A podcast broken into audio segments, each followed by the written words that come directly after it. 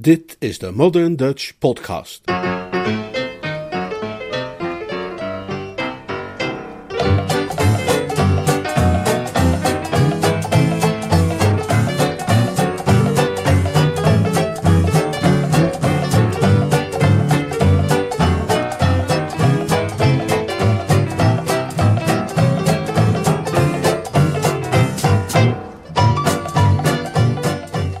Graag gedaan. Een roman van P.G. Woodhouse, Service with a Smile, in twaalf hoofdstukken. Vertaald en voorgelezen door Leonard Peug.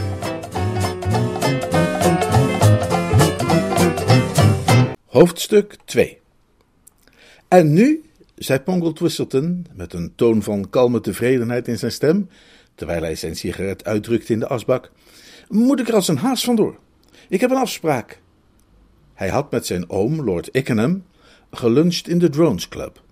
Hij had het een heel plezierige bijeenkomst gevonden, want zijn gast, die net als Lord Emsworth de opening van het parlement gesierd had met zijn aanwezigheid, was bijzonder onderhoudend geweest met betrekking tot zijn ervaringen van die ochtend. Maar wat hem nog meer plezier had gedaan dan de venijnige kritiek die zijn bloedverwant had gegeven op de verschijning van de vier wapenkoningen, Rouge Croix, Blue Mantle, Rouge Dragon en Portcullis, aan het hoofd van de stoet, was de stimulerende gedachte dat hij, dankzij de afspraak die hij had, ditmaal niet het gevaar liep na afloop van de maaltijd door zijn oom op sleeptouw te worden genomen voor een van diens wat hij noemde plezierige en leerzame middagjes. De gruwelijke beproeving daaraan te moeten deelnemen had hem bij eerdere gelegenheden steeds het bloed in de aderen doen stollen. Speciaal die keer dat ze samen naar de hondenrennen waren geweest, een paar jaar geleden, stond hem nog akelig helder voor de geest. Over Frederick Altamont Cornwallis Twistleton, de vijfde graaf van Ickenham, had een scherp waarnemer ooit opgemerkt dat hij in de late namiddag van zijn leven, naast een jeugdige gestalte, ook het ongeremde enthousiasme had behouden en de frisse, onbedorven blik op de wereld van een licht aangeschoten lagere jaars, en niemand die de man kende zou de juistheid van die observatie hebben willen betwisten. Als jongeman, lang voordat een reeks sterfgevallen in de familie er aan ten oorsprong had gelegen dat hij zijn huidige titel erfde, was hij in Amerika een tijd lang cowboy geweest en op andere momenten bartender, verslaggever voor een krant en goudzoeker in de Mojave-woestijn. En er was geen ranch, geen drugstore, geen redactielokaal en geen ledige zandvlakte waar hij mee te maken had gekregen die hij niet zijn best had gedaan om op te vrolijken. Zijn haar was thans dun en grijs, maar het was nog altijd zijn streven om iedere omgeving waar hij zich bevond, voor zover het binnen zijn macht lag, fundamenteel op te vrolijken. Hij hield ervan, zoals hij vaak zei, om licht en luchtigheid te verspreiden, of, zoals hij het ook wel eens noemde, de mens te dienen met een lach. Hij was een lange, gedistingeerd ogende man met een zwierige snor en wakkere, energieke ogen. In die ogen verscheen toen hij zijn neef aankeek een blik van teleurstelling en verwijt, alsof hij iets beters verwacht had van iemand van zijn eigen vlees en bloed. Jij gaat me al verlaten? Hoe dat zo? Ik had gehoopt op, ik weet het, ik weet het, zei Pongo onverbiddelijk, op een van onze plezierige en leerzame middagjes. Maar helaas, ik heb een afspraak met iemand. Over een hond, zeker? Nee, niet over een hond en niet over een paard, maar bel hem dan op om het af te zeggen. Onmogelijk. Wie is die kerel? Bill Bailey. Lord Ickenham keek verbaasd. Oh, is die dan weer thuis? Hè? Ik, ik had begrepen dat hij huis en haard verlaten had. Ik meen me te herinneren dat zijn vrouw zich daar nogal druk over maakte. Bongo begreep dat zijn oom alles weer eens door elkaar haalde, zoals oude heren wel vaker doen.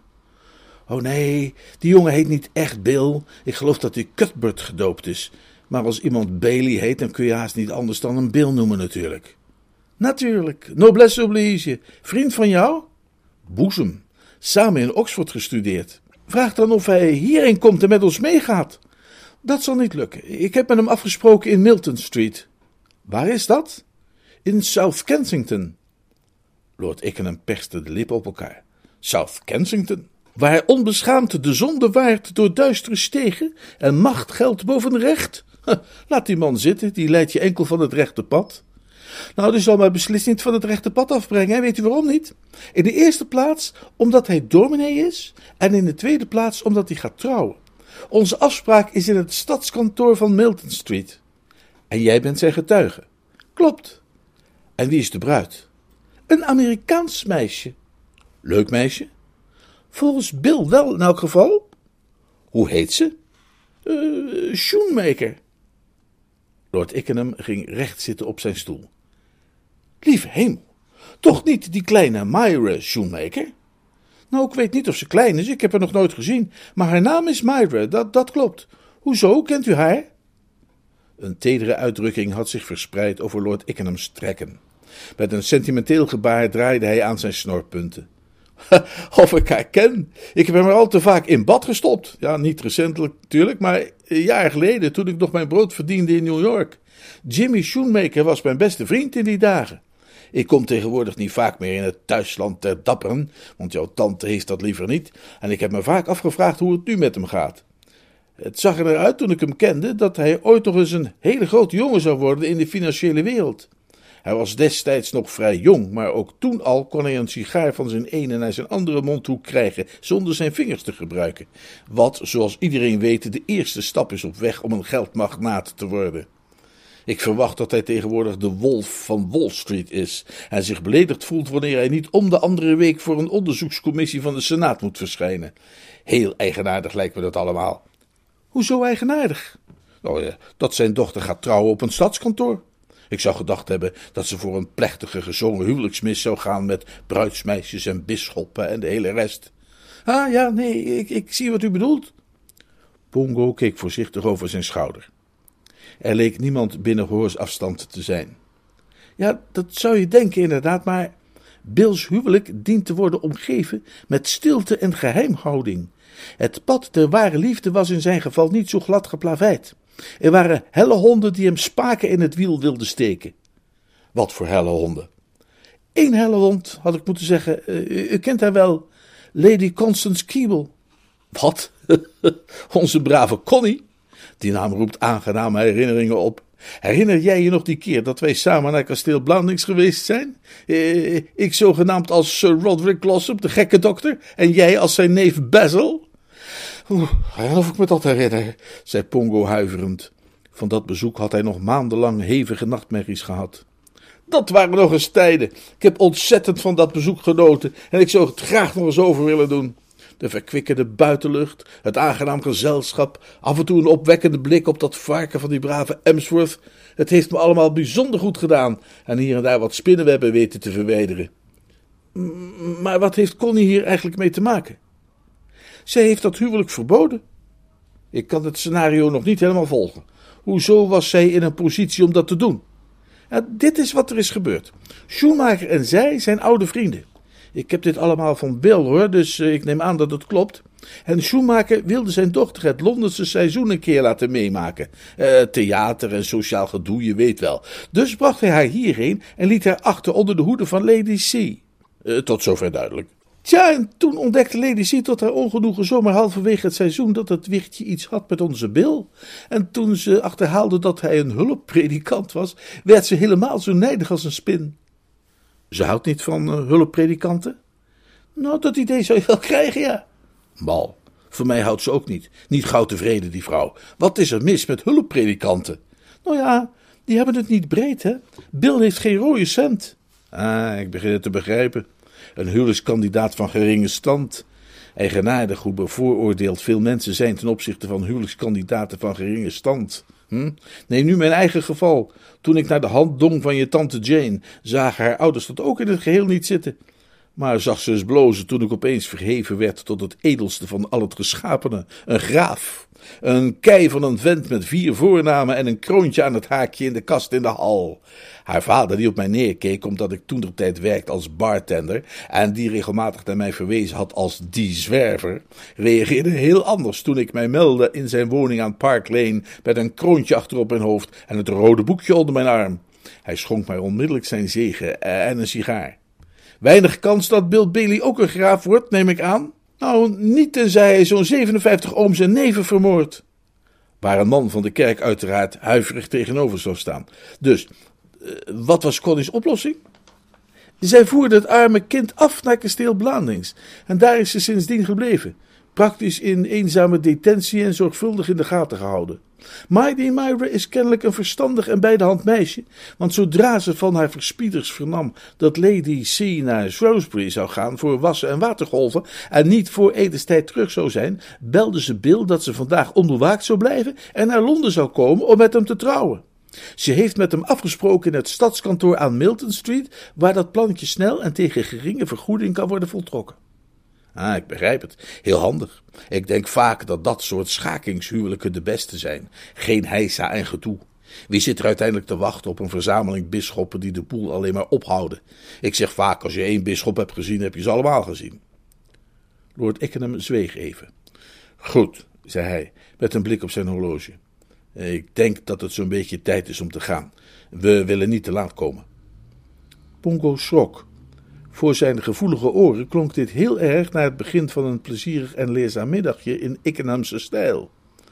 Precies op die toon had zijn bloedverwant een paar jaar eerder voorgesteld een kijkje te gaan nemen bij de hondenrennen, want er was volgens hem geen betere manier om de menselijke ziel te bestuderen dan zich onder de mensen te begeven bij hun eenvoudige vermaken.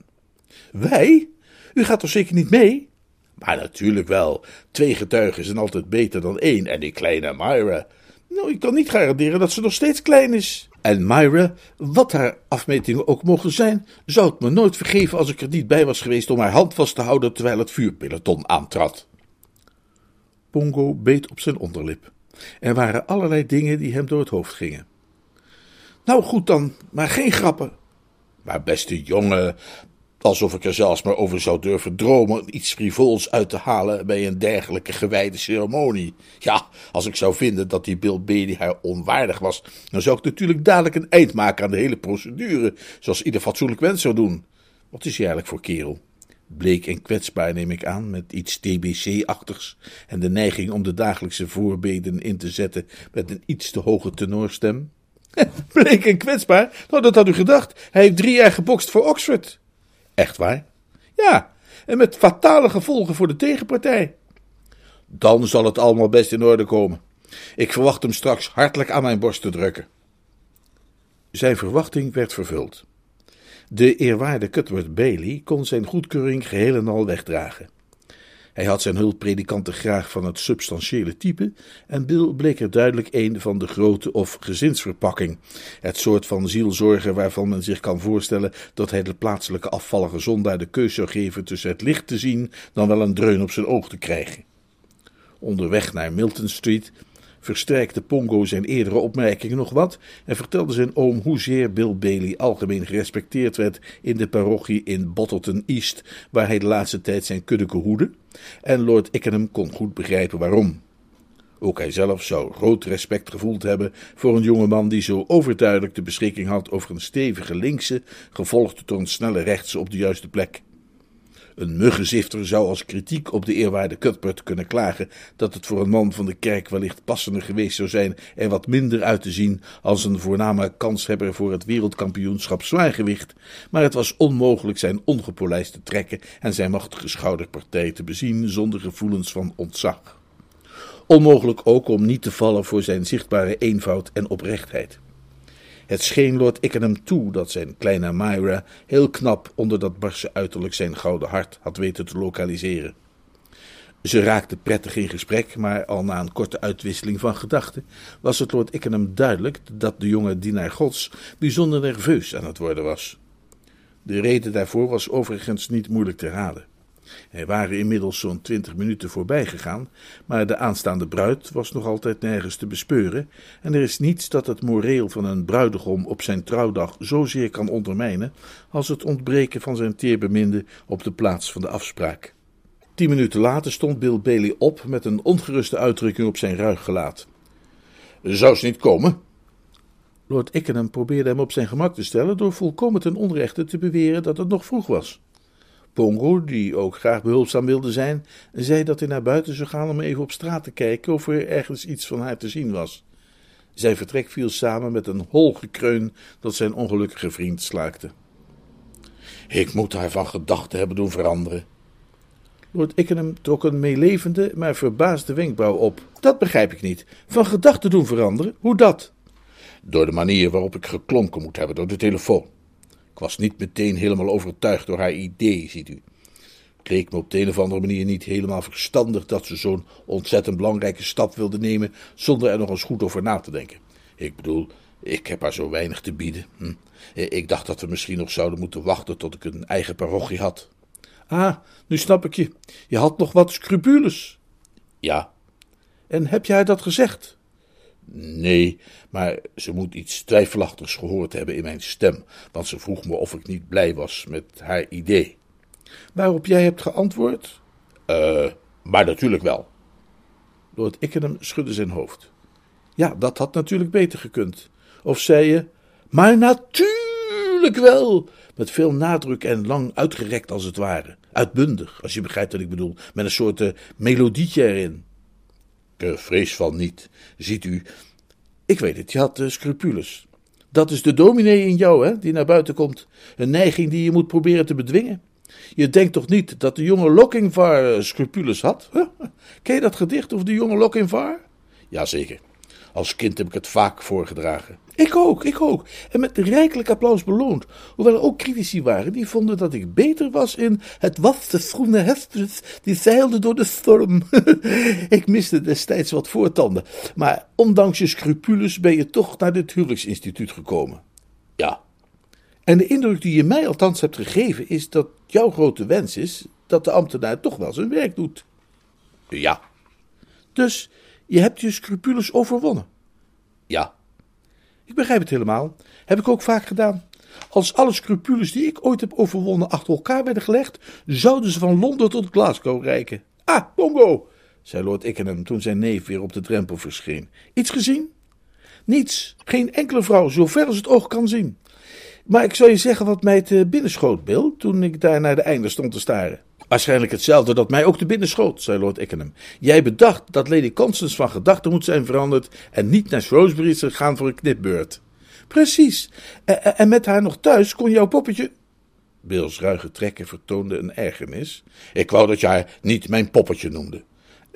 Met haar nog in huis kon jouw bolletje wol natuurlijk onmogelijk ontsnappen. Morgen krijg je waarschijnlijk een brief waarin ze de situatie uitlegt en plannetjes voor een volgende gelegenheid uitstippelt. Ja, ja dat, uh, dat moet het zijn, zei Bill enigszins opklarend. Hoewel je zou denken dat ze dan wel een telegram gestuurd zou hebben, voegde hij eraan toe, weer wegzinkend in de melancholie. Lord Ickenham beklopte de machtige schouderpartij vaderlijk. Maar beste kerel, hoe kon ze dat doen, hè? Het postkantoor van Market Blandings is twee mijl bij het kasteel vandaan en zoals Pongo zegt, er wordt streng op haar gelet. Ze mag al van geluk spreken als ze een brief naar buiten krijgt gesmokkeld zonder dat die wordt onderschept en opengestoomd. Als ik jou was, zou ik me echt geen zorgen maken. Ik zal proberen het niet te doen, zei Bill, maar met een zucht die de kamer deed trillen. Nou ja, het uh, heeft in elk geval geen zin hier te blijven rondhangen. Ik word niet goed van dat gebouw hier. Bedankt dat je hier was, Pongo. En bedankt dat u bent meegekomen, Lord Ickenham. Het spijt me dat ik jullie tijd heb verknoeid. Beste jongen, tijd is nooit verknoeid wanneer die in goed gezelschap wordt doorgebracht. Nee, nee, dat, dat is natuurlijk zo. Maar goed, dan, uh, dan ga ik maar. Nadat de deur zich achter hem gesloten had, slaakte ook Lord Ickenham een diepe zucht.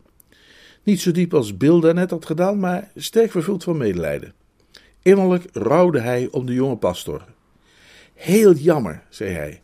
Het is altijd al lastig voor een bruidegom zich te prepareren op het doorstaan van de huwelijksceremonie, een beproeving waar zelfs de sterkste tegen opzien. Maar wanneer hij dat gedaan heeft en de bruid levert niet haar aandeel, dan betekent dat pas echt een helse kwelling. En we weten niet of en wanneer de waakzaamheid van het regime ooit opnieuw een ogenblikje zal verslappen. Valt niet mee om uit het gevangen te ontsnappen wanneer Connie je cipier is. Pongo knikte. Ook hij rouwde in de geest om zijn getroffen vriend. Nee, zei hij, ik ben bang dat Bill een serieus probleem heeft. En wat de situatie alleen maar erger maakt, is dat Archie Gilpin op blandings is. Wie? De neef van de hertog van Dunstable. Ricky Gilpins broer? Precies. Heb jij die ooit ontmoet? Nee, nooit. Ik ken de oude Dunstable uiteraard en Ricky ook, maar deze Archibald is voor mij een gesloten boek. Wie heeft je verteld dat hij op blandings is? Hij zelf, persoonlijk. Ik kwam hem gisteren toevallig tegen en hij zei dat hij daar naartoe zou gaan met de middagtrein. Nogal bedreigend leek me dat. Hoezo? Nou ja, zeg. Hij, hij is daar dan knusjes samen met dat meisje. En wie weet of, of zij dan niet zal besluiten om van Bill over te stappen op hem. Hè? Het, het is een bijzonder knappe jongen om te zien. Wat je van Bill niet bepaald kunt zeggen. Nee, nee. Ik zou Bill's smoelwerk eerder interessant noemen dan fraai. Hij doet me een beetje denken aan een van mijn collega's op de ranch in Wyoming, waar ik in mijn jonge jaren de functie vervulde van koeiendrijver. En van wie een andere collega, die de dingen altijd scherp wist te formuleren, eens gezegd heeft dat hij een gezicht had dat maakte dat de klok bleef stilstaan. En Bill heeft ongetwijfeld al tientallen klokken doen stilstaan. Anderzijds wil ik niet geloven dat de kleine Mayre, van wie ik nog de haartjes heb afgedroogd en die ik op mijn knieën heb laten paardje rijden, opgegroeid zou zijn tot het soort meisje dat zoveel belang hecht aan het uiterlijk. Dat weet je nooit. Meisjes gaan nogal eens voor het welbesneden gelaat. Bovendien is die Gilpin een, een, een kunstenaar. En kunstenaars hebben iets dat op het andere geslacht een effect heeft als van kattenkruid op een kat.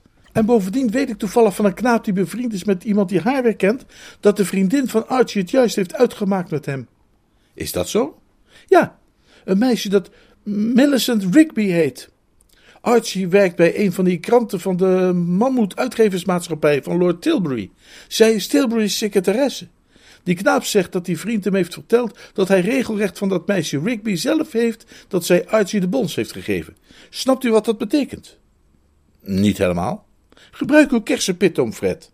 U weet wat een mens doet als een meisje hem aan de kant heeft gezet. Dan vraagt hij als een speer een ander meisje. Alleen maar om te laten zien dat die niet de enige appel was aan de boom.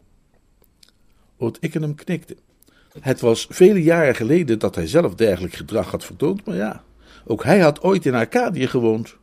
Ach ja, de jeugd, de jeugd, zei hij tegen zichzelf, en hij huiverde lichtjes bij de herinnering aan het gruwelijke vrouwspersoon in Greenwich Village, een en al kralen en armbanden en ongekamd haar, aan wier in sandalen gestoken voeten hij zijn hart gelegd had de tweede keer dat Pongo's tante Jane hun relatie had verbroken.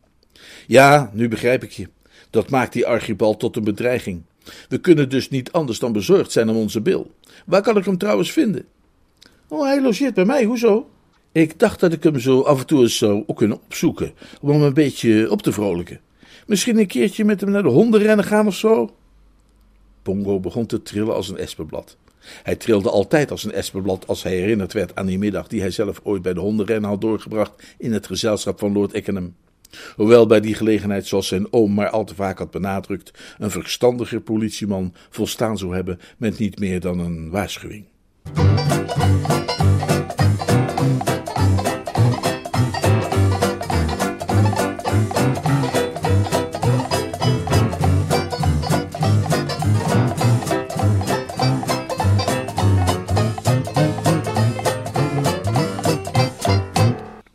Wanneer de plicht hem roept en hij geacht wordt de opening van het parlement met zijn aanwezigheid op te luisteren, zal de slimme edelman voor zijn mantel en zijn kroontje langsgaan bij dat onmisbare kledingverhuurbedrijf in Covent Garden van de gebroeders Moss, die zich er immers op beroemen dat zij iedereen op elk moment kunnen kleden voor elke gelegenheid. Alleen de gebroeders kunnen voorkomen dat men in dat opzicht ooit tekortschiet. Het was dan ook naar hun adres dat Lord Ickenham zich na zijn vertrek bij zijn neef haastte, met zijn koffer in de hand. Nadat hij de inhoud van zijn koffer weer had ingeleverd en zijn bescheiden rekening betaald, kwam hij, eveneens met een koffer in de hand, een lange, slappe, gebogen gestalte de winkel binnen, bij wiens aanblik hij een kreet van blijdschap uitte. Emsworth, beste kerel, wat leuk dat ik jou weer eens zie. Jij bent hier dus ook, dragend je volle schoven. Eh, uh, uh, hè? zei Lord Emsworth, die altijd hè zei wanneer iemand hem onverwachts aansprak. Oh, oh, hallo Ickenham, uh, ben jij in Londen, zeg? Lord Ickenham verzekerde hem dat zulks het geval was en Lord Emsworth bevestigde dat hij daar eveneens verbleef. Toen dat eenmaal helder was, wilde hij weten, wat, wat was hij ook uh, uh, bij die toestand vanmorgen? Inderdaad, zei Lord Ickenham. En ik zag er fantastisch uit. Er is volgens mij geen edelman in heel Engeland die een chicere indruk weet te maken dan ik met zo'n soepjurk en zo'n feesthoedje. Vlak voor de stoet zich in beweging zette, hoorde ik Rouge Croix tegen Bloementel fluisteren.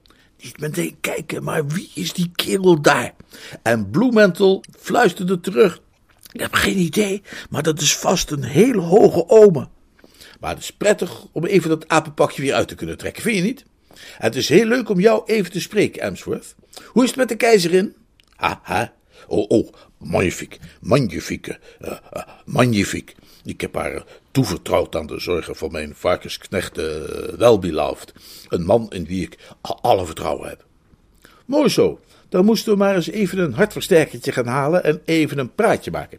Ik weet een kroegje hier om de hoek, zei Lord Ickenham, die overal waar hij was wel een kroegje om de hoek wist. Je ziet er nogal afgemat uit, moet ik zeggen. alsof al die hijsa van vanmorgen heeft uitgeput. Een whisky met een druppeltje sodawater kan de glans weer terugbrengen in je ogen. Eenmaal gezeten in het kroegje om de hoek, bekeek Lord Ickenham zijn metgezel met enige zorg. Ja, zei hij, ik had inderdaad gelijk. Je bent niet helemaal je stralende zelf. Slopend, die openingen van het parlement. Gewoonlijk laat ik verstek gaan, zoals jij waarschijnlijk ook. Waarom ben je vandaag wel komen opdagen? Nou, ja, Connie uh, drong erop aan. Ah, ik begrijp het. Er zijn naar mijn idee weinig klemmender aandringers dan Lady Constance. Wel een uiterst charmante vrouw natuurlijk. Uh, Connie? vroeg Lord Emsworth verbaasd. Hoewel misschien geen spekje naar ieders bekje, zei Lord Ickenham, die het ongeloof in de stem van zijn gesprekspartner kon horen. Uh, maar zeg eens, hoe staat het eigenlijk op Blandings? Alles gaat nog steeds zo zijn gangetje, mag ik hopen? Ik heb die oude tent van jou altijd beschouwd als een soort aardsparadijs. Een bittere lach stond niet op Lord Emsworth's repertoire, maar hij uitte een blatend geluid dat binnen zijn persoonlijke opties zo dicht mogelijk bij een bittere lach kwam. Een beschrijving van kasteel Blandings als een aardsparadijs trof hem gezien de aanwezigheid van zijn zuster Constance, de hertog, Lavender Briggs en een heel regiment padvinders als bijzonder ironisch. Hij peinsde een poosje in stilte. Ik, ik, ik, eh, ik weet niet wat ik doen moet, eh, ik en hem, zei hij toen zijn sombere gedachteproces tot een vruchtloos einde was gekomen. Bedoel je nu, op dit moment? Neem er nog eentje, zou ik zeggen. Nee, nee, nee, nee, dankjewel. Het is heel ongebruikelijk voor mij om, om, om, om al zo vroeg op de dag aan, aan, aan, aan de alcohol te wagen. Ik, ik, ik, ik doelde op de omstandigheden op kasteel Blandings. Die zijn niet zo goed? Zijn, zijn afschuwelijk. Ik heb een nieuwe secretaresse. Ze is de, de ergste die ik ooit heb gehad. Ze is nog erger dan Baxter. Dat lijkt nauwelijks mogelijk. Nou, toch, is het zo. Ik verzeker het je. Een meisje dat Briggs heet. Ze zit me overal achterna. Dan doe je haar toch weg? Hoe, hoe, hoe, hoe kan ik dat nou doen? Uh, Connie heeft haar aangenomen en de hertog van Dunstable logeert op het kasteel. Wat, alweer? Uh, en, en er kamperen padvinders in het park die al, al, maar gillen en schreeuwen. En, en, ik weet zeker dat het een van hen was die, die mij een broodje tegen mijn hoge hoed heeft gegooid. Jouw hoge hoed? Sinds wanneer draag jij een hoge hoed? Ah, dat, was, op het, was op het schoolfeest. Ik moet van, van, van Connie altijd een hoge, hoed dragen op, op het schoolfeest. Ik ging met theetijd die tent binnen om, om te zien of alles naar wens verliep. En ik liep tussen die rijen tafeltjes door toen er een jongen met een, met, met, een hard broodje op mijn hoed mikte en hem afgooide. En niets kan mij ervan overtuigen, ik en hem, hè, dat die schurk niet een van die padvinders was. Maar beschik je ook over bewijs dat bij de rechtbank overeind blijft? Hè? Hè? Nee, nee, nee, dat niet. Jammer. Maar goed, de hele toestand klinkt mij volstrekt in de oren als een waar duivelseiland. En het verbaast me niets dat jij het moeilijk vindt om de bovenlip strak te houden, zoals wij bovenlippen graag zien. Een vreemd licht was in Lord Ickenham's oog verschenen. Zijn neef Pongo zou dat licht hebben herkend. Het was het licht dat er zo vaak in was verschenen wanneer zijn oom Fred hem voorstelde om er samen op uit te gaan voor een plezierig en leerzaam middagje. Wat jij naar mijn idee nodig hebt, zei hij, is een stevige kameraad, een bondgenoot, iemand die jou bijstaat, iemand die korte metten maakt met die secretaresse, die Connie aan kan, die jou van de hertog verlost en ook meer in het algemeen licht en luchtigheid weet te verspreiden zei Lord Emsworth met een zucht, terwijl hij zijn fantasie even liet spelen met de utopische gedachten. Wil je dat ik met je meega naar Blandings? Lord Emsworth schrok ervan op. Zijn pince-nez, die bij grote emotie altijd van zijn neus viel, deed een acrobatisch dansje aan het eind van zijn lint. Zou, zou, je, zou je dat willen doen? Niets liever dan dat. Wanneer ga je terug? Uh, morgen. Dat, dat is bijzonder aardig van je, ik en hem. Wel nee, wij graven moeten elkaar een beetje de hand boven het hoofd houden. Maar er is één ding. Vind je het erg als ik een vriend meebreng? Ik zou het je anders niet vragen, maar hij is net terug uit Brazilië en zou zonder mij nogal verloren lopen hier in Londen. Ah, uh, Brazilië? Uh, wonen daar ook mensen dan in uh, Brazilië? Heel veel zelfs, geloof ik. Deze knaap is er een paar jaar geweest. Hij heeft iets van doen met de Braziliaanse notenindustrie. Wat precies zijn werk is, heb ik een beetje vaag, maar volgens mij is hij de man die de paranoten door de perser haalt, waardoor ze die merkwaardige vorm krijgen. Maar dat kan ik mis hebben hoor. Uh, maar kan ik die meebrengen dus? Tuurlijk, tuurlijk, natuurlijk. Magnifiek, magnifiek, magnifiek. Een wijs besluit van je, Emsworth. Wie weet hoe hij in het algemene plaatje zal passen. Hij zou verliefd kunnen worden op die secretaresse, met haar trouwen en hem mee kunnen nemen naar Brazilië. Dat, dat, dat is waar. Of de hertog vermoorden met een weinig bekend Aziatisch gif, of op allerlei andere manieren van dienst kunnen zijn. Ik weet zeker dat je blij zult zijn met zijn komst. Hij is zindelijk en eet alles wat je zelf ook eet. Uh, welke trein neem je morgen? Uh, die van 11, 11, 11 uur uh, 45 op Paddington. Dan zie je ons daar, mijn beste Emsworth, zei Lord Eckenham. En niet alleen dat, maar wat mij betreft in elk geval met mijn haar in een vlecht als de oude Spartanen, bereid tot het ergste. Ik zal meteen mijn vriend op gaan bellen om te zeggen dat hij zijn koffer moet pakken.